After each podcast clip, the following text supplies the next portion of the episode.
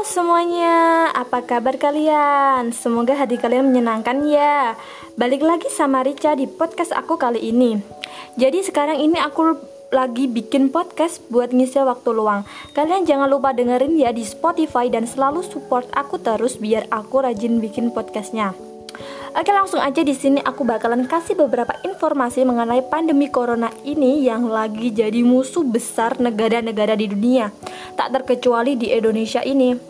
Selain itu, aku juga bakalan berbagi tips yang mungkin dari beberapa kalian juga udah ada yang tahu mengenai pencegahan virus corona ini. Jadi jangan lupa pantengin terus podcast aku.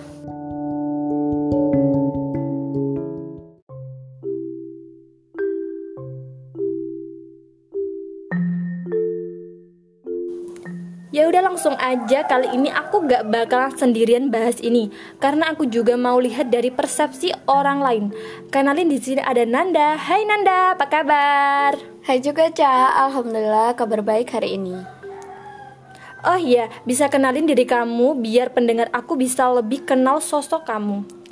Oke, makasih Rica sebelumnya udah ngajak aku buat jadi partner podcastnya kali ini. Nama aku Nanda Emilia Putri, panggil aja Nanda. Aku kenal sama Rica karena sekelas waktu SMA. Oke lanjut aja. Kali ini kita bakalan bahas-bahas dulu apa sih corona itu. Jadi, corona atau juga dikenal dengan coronavirus disease atau COVID-19 ini adalah virus yang menyerang sistem pernafasan. Virus ini dapat menyebabkan gangguan pada sistem pernafasan, pneumonia akut sampai kematian. Teman-teman juga harus ingat kalau virus ini bisa menyerang siapa pun tanpa terkecuali. Infeksi virus ini pertama kali ditemukan di Wuhan, Cina sekitar akhir tahun yaitu Desember 2019. Untuk mengetahui terinfeksi atau tidak, penyakit ini juga punya beberapa gejala juga nih, Cak. Di antaranya demam dengan suhu di atas 38 derajat Celcius, batuk kering, juga sesak nafas. Menurut penelitian, gejala ini bisa muncul sekitar dua hari sampai dua minggu setelah terpapar virus. Wah, serem juga ya sama berita yang beredar saat ini. Menurut lo, bagaimana dengan yang tidak menunjukkan gejala sama sekali tapi hasil tesnya positif? Ini mengerikan sih. Tapi memang ada nyatanya di Indonesia bahkan banyak yang tidak menunjukkan gejala. Bahkan dia terlihat sembuh seutuhnya. Tapi setelah dites hasilnya adalah positif. Bagaimana menurut lo? Dari beberapa artikel yang sempat gue baca dan berita-berita yang beredar, terinfeksi tanpa menunjukkan gejala ini sebenarnya emang jauh lebih mengerikan ya. Melihat banyaknya warga negara Indonesia ini yang notabene manusianya susah sekali buat diatur tetap di rumah kecuali memang ada kepentingan yang tidak diwakil tidak dapat diwakilkan. Jadi takutnya mereka mengira dirinya tidak terinfeksi karena merasa tubuhnya fit-fit aja padahal sebenarnya dia udah menyimpan virus di dalam tubuhnya dan berisiko untuk menularkan ke orang lain. Ini yang kadang terasa sangat menyesakkan buat aku. Miris sekali sama keadaan negara kita saat ini. Iya ya, kalau setiap hari masyarakatnya masih terus mengabaikan physical distancing, ini kemungkinan terburuk pasti bakal terjadi juga nih. Dan siap gak siap, ya kita harus siap. Iya nih Ca, ada lagi artikel yang bilang kalau si inang yang terinfeksi corona tapi tidak menunjukkan gejala ini bisa disebabkan karena sistem imunnya dia masih kuat untuk melawan penyebaran virusnya ini. Tapi bukan berarti juga meskipun kuat, kalau udah terinfeksi, bukankah sebaiknya kita tetap di rumah dan menjaga jarak aman dengan orang-orang sekitar untuk memutus mata rantai penyebaran COVID-19 ini? Nah, Nah, kemarin ini aku juga dapat artikel yang menjelaskan dampak corona ini pada tubuh orang yang sudah terinfeksi. Kan sekarang penggunaan masker ketika keluar rumah itu diwajibkan oleh pemerintah dan menurut lo itu efektif apa enggak sih buat mencegah tertularnya virus corona sekarang ini? Menurut gue efektif-efektif aja sih soalnya selain mencegah virus corona ini juga sekaligus kalau yang uh, ini loh sakit-sakit mungkin flu jadi kita lebih bisa menghindari itu aja sih dan menghindari polusi-polusi yang ada di luar rumah itu aja sih Hmm, terus kalau ada orang yang bandel keluar rumah tapi gak pakai masker itu gimana ya menurut lo? Uh, lebih di apa ya? Dikasih tahu mungkin Nah, ya? dikasih tahu sih soalnya kalau orang ini ya kan kayak kita rumahnya di pedesaan jadi Hmm. kayak ngasih tahu ke orang-orang atau ngasih edukasi ke orang-orang tuh kadang susah banget diterimanya gitu loh Pasti ngeyel. Ya, ah. makanya jadi kita kita ngasih contoh aja dulu mungkin siapa tahu hatinya mulai tergerak buat pakai masker tersentuh jadi gitu ya, kan jadi kan nggak tahu adanya virus corona itu kan That's right. tapi kan kalau ngasih tahu itu mesti harus sedikit demi sedikit kan soalnya kan Ah. orang desa juga Ya, betul banget sih. Jadi kita harus lebih waspada aja. Pokoknya yang penting waspada aja. Terus jangan jangan sering-sering keluar rumah kalau nggak penting-penting banget. Kita di rumah aja. ya tapi sekarang ini udah banyak kok yang menggunakan masker kalau keluar rumah seperti anak-anak sekarang kan juga udah dipakein masker Iya. Iya sih emang. Jadi kepeduliannya udah pada meningkat semenjak ini ya kasus positifnya juga semakin, semakin banyak, ya kayak- 3000 loh. Iya. 3000-an yang meninggal juga makin Udah 300-an. hari. ya jadi setiap hari men- yang meninggal hampir 40 orang ya ya Iya. Allah. Ini ngeri banget sih. Iya menurut aku ngeri Parah, parah, banget. parah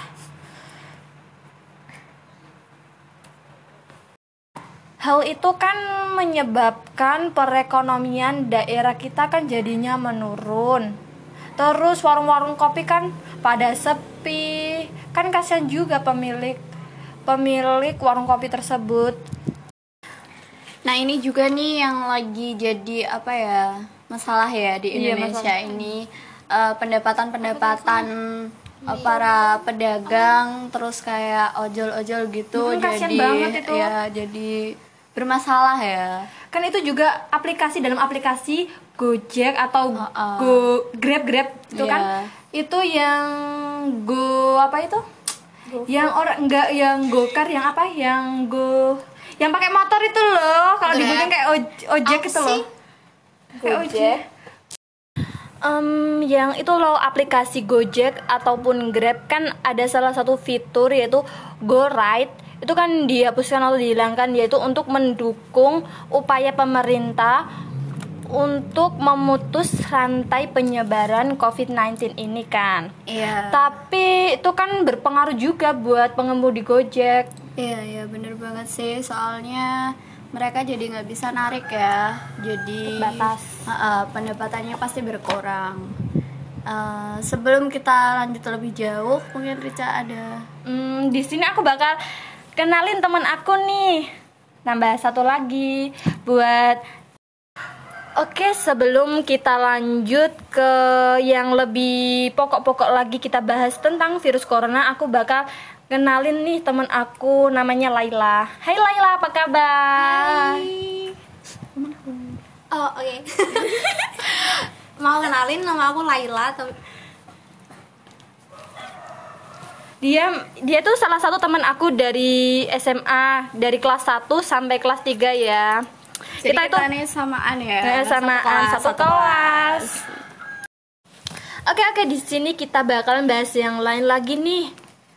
permasalahan yang lagi kompleks banget ada di Indonesia ini kayak lebih ke apa ya kema- jiwa kemanusiaannya yang pada kurang nih empatinya yang pada kurang karena sosialisasi pemerintah mungkin juga Kurang, juga ya.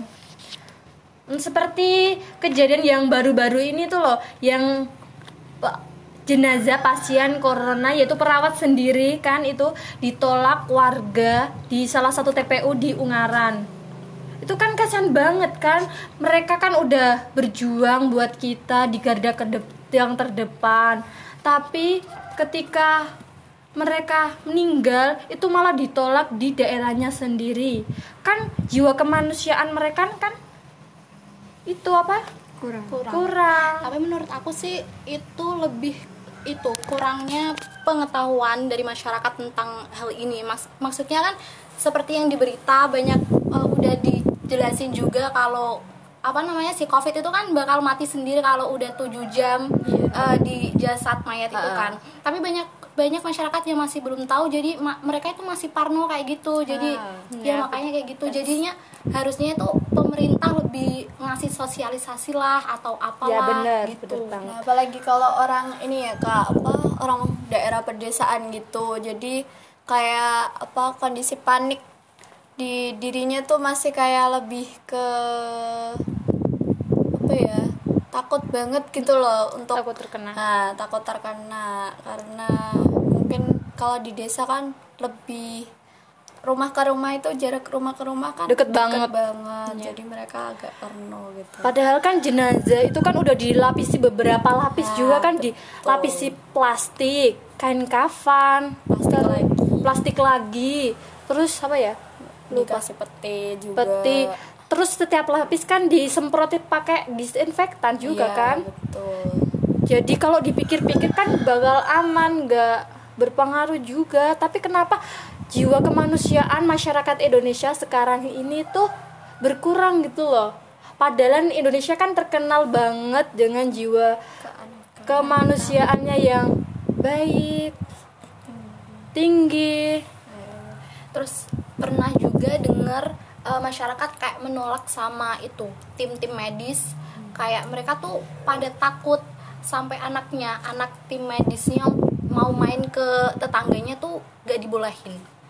Kan menurut aku itu kayak apa ya berlebihan banget. Iya ya. diskriminasi. Padahal kan tim medis itu salah satu orang yang sangat berjasa buat Ya, kita bener untuk banget, sekarang. bener banget kayak gitu ya kalau nggak ada mereka nggak kebayang banget ya kita bakalan jadi kayak apa. Karena mereka yang udah berani berjuang ben, apa mati-matian mereka rela Menaruh eh, apa ya resiko terbesar gitu loh. Karena virus ini tapi malah mereka juga dapat apa pengucilan dari masyarakat nggak bisa makan, nggak bisa Iya. minum, nggak bisa yang lain Nah, demi bener banget. Mereka-mereka tapi mereka balasannya seperti itu kan kasian banget. Heeh. Udah gitu banyak juga masyarakat yang masih eh, kurang peduli dengan apa himbauan pemerintah untuk stay di rumah atau tetap di rumah di rumah aja. Banyak masyarakat yang masih keluar rumah, kayak masih nongkrong atau apalah. Harusnya kan nggak usah, maksudnya harusnya mereka itu tetap stay di rumah, nggak usah pergi ke mana-mana kalau enggak kebutuhan yang sangat Iya, penting penting penting banget. banget, banget gitu. iya.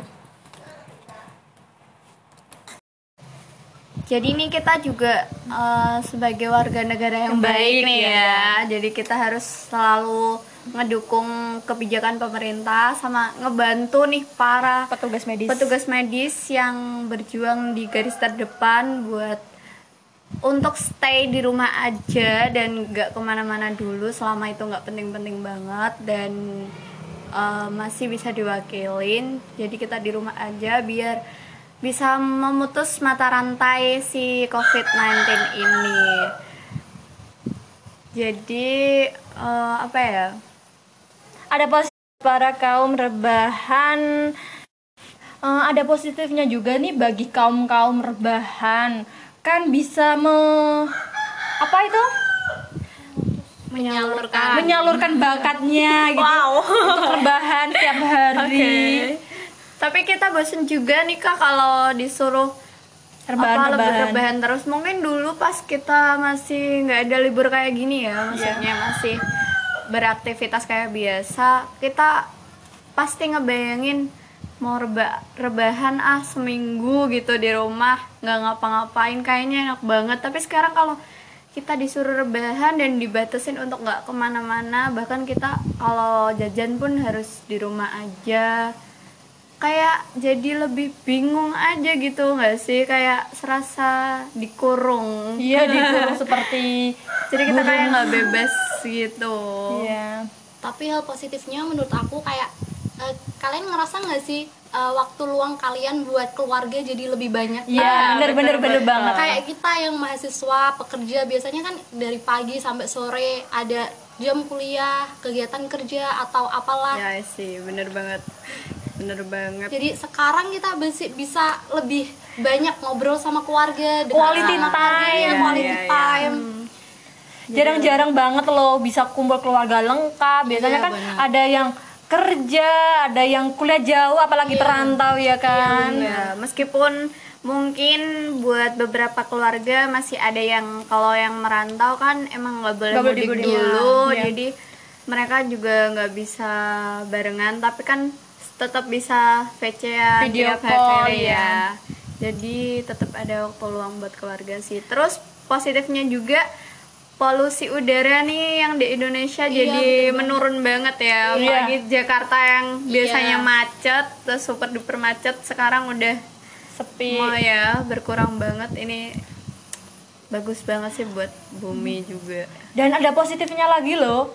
Kita bisa mengembangin bakat kita seperti masak terus apa ya masak-masak ini, sama keluarga kan baik banget ah btw kalian lihat nggak sih di tiktok sekarang kan banyak banget Oh, kayak iya. Iya, iya, iya. dalgona Iya, apa- iya, betul, iya bener kan Betul. Terus Jadi apa lagi? tertantang buat bikin-bikin Iya, ya Ya, di bener rumah banget. biar nggak gabut. nggak gabut gitu. kan kan menghasilkan juga makanan iya, bi- betul. biar kita cemil gitu kan Hmm. positif banget itu Yes.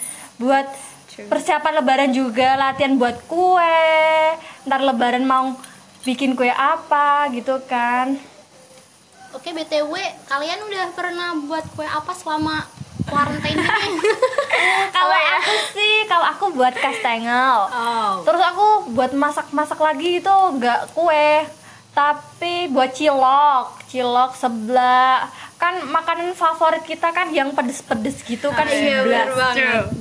walaupun ya begitu.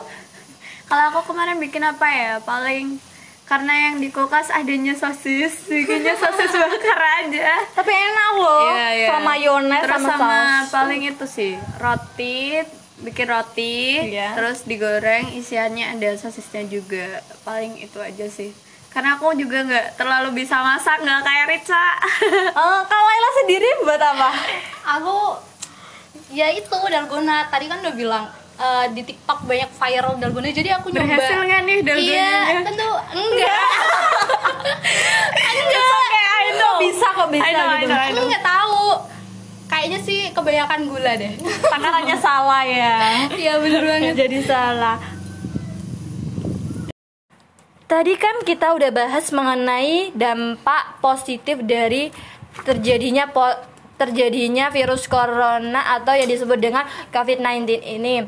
Dan sekarang kita bahas mengenai dampak negatif dari adanya virus corona ini. Eh, sepertinya lebih ke aku bakal condong ke arah pendidikan. Eh, menurut Laila sendiri, bagaimana dampak negatif dari adanya virus corona ini? Uh, kalau menurut aku sih kalau dalam pendidikan seperti uh, kita mahasiswa kan banyak sekarang itu uh, teknik kuliahnya dari online kan Iya. dari lewat zoom atau uh, Google Telegram. Classroom, Telegram, WhatsApp kayak gitu. Uh, kalau menurut aku ini tuh nggak dampak negatif tapi ya emang memberatkan mahasiswa tapi kita lakukan ini untuk ke kebaikan bersama.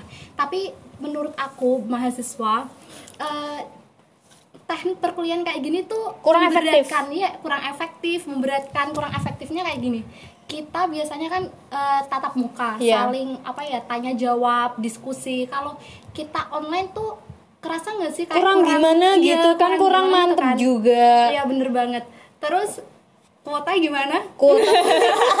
Kurangnya subsidi dari pemerintah ya.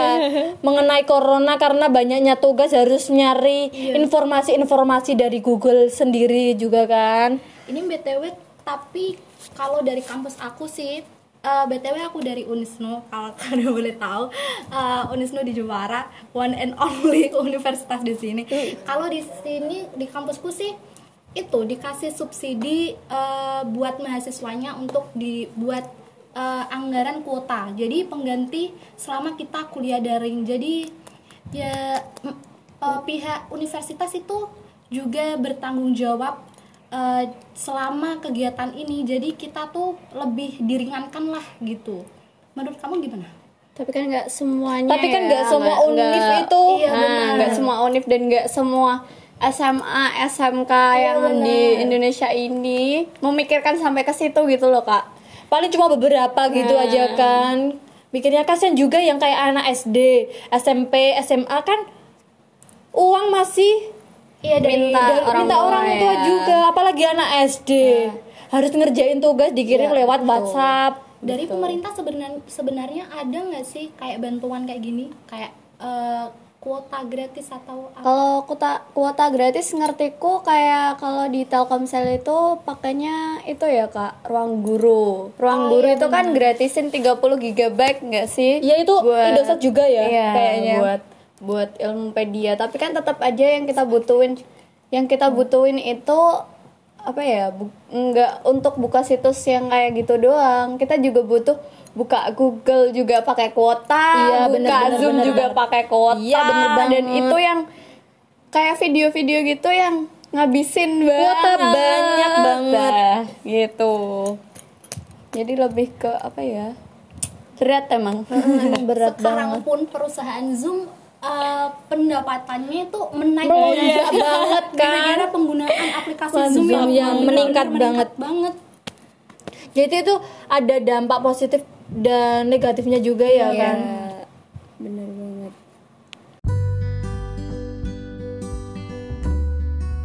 Oke, sepertinya sampai di sini ya podcast aku mengenai virus corona. Tapi mungkin ada beberapa kesimpulan dari teman-teman aku nih, Nanda maupun Laila. Oke, Nanda silakan.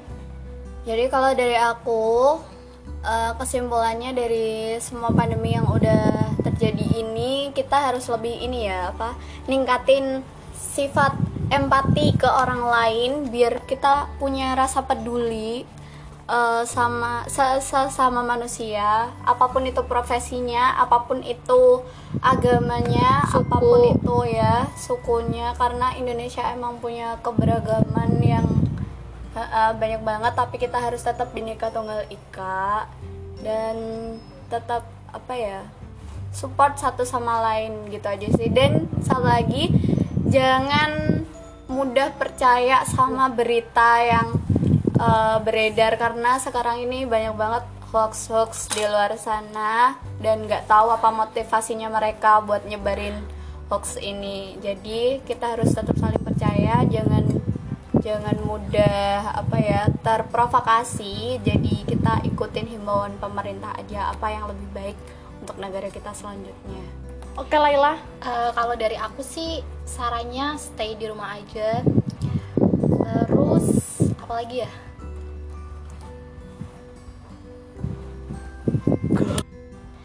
Eh, ya tadi stay di rumah aja jaga kesehatan eh, lebih ke tanggung jawab sama diri sendiri eh, keluarga buat buat keluarga kita dan orang lain stay di rumah gak usah ke mana-mana dulu gitu aja sih.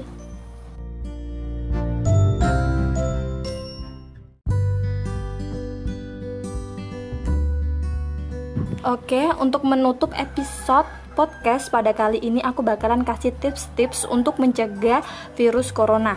Yang pertama yaitu rajin mencuci tangan karena mencuci tangan merupakan pangkal kebersihan dan kesehatan.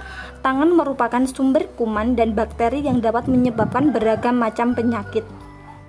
Dan cuci tangan minimal 20 detik dengan menggunakan sabun dan air mengalir itu sangat dianjurkan. Yang kedua yaitu kenakan masker. Jika kondisi kesehatan yang kurang baik, maka upayakan untuk menggunakan masker medis yang memiliki ketebalan tiga lapis. Yang ketiga, hindari bersentuhan, berpelukan dan berjabat tangan adalah yang hal yang harus dihindari. Ada aturan di salah satu minimarket yaitu membuka pintu di minimarket dengan siku supaya mencegah tertularnya virus corona. Yang keempat yaitu jangan sentuh area wajah. Virus corona ini bisa menyerang tubuh lewat area segitiga wajah seperti mulut, mata, dan juga hidung. Jadi jangan sekalipun menyentuh ketiga area tersebut setelah menyentuh sesuatu hal apa pun. Yang selanjutnya yaitu etika bersin dan batuk. Saat bersin dan batuk, tutup dengan tisu ataupun lipatan siku tangan agar virus tidak menyebar ke orang lain. Dan yang selanjutnya, hindari berbagai barang pribadi. Berbagi barang pribadi, bukan pelit tapi demi kesehatan bersama. Kita harus melakukan tindakan tersebut. Yang kemudian bersihkan perabot rumah. Jangan lupa gunakan cairan disinfektan untuk membersihkan secara teratur sehingga tak ada kuman dan virus penyebab penyakit yang bersarang di rumah. Yang selanjutnya yaitu physical distancing, itu hindari kerumunan dan jaga jarak minimal 1 meter dengan orang lain. Lalu, selalu mencuci bahan makanan, buah-buahan dan sayuran dibersihkan dengan larutan hidrogen peroksida yang sangat aman digunakan untuk makanan. Yang selanjutnya yaitu tingkatkan imunitas tubuh. Hindari stres, makanan-makanan yang bergizi yang kaya vitamin dan mineral yang wajib kalian makan untuk meningkatkan imunitas tubuh kalian. Olahraga dan lain sebagainya. Oke, mungkin cukup itu aja yang kita bahas dalam podcast aku kali ini. Semoga bermanfaat. Saya Rica. Saya Nanda. Saya Laila. Pamit undur diri. See you. Jangan lupa selalu dengerin podcast aku ya.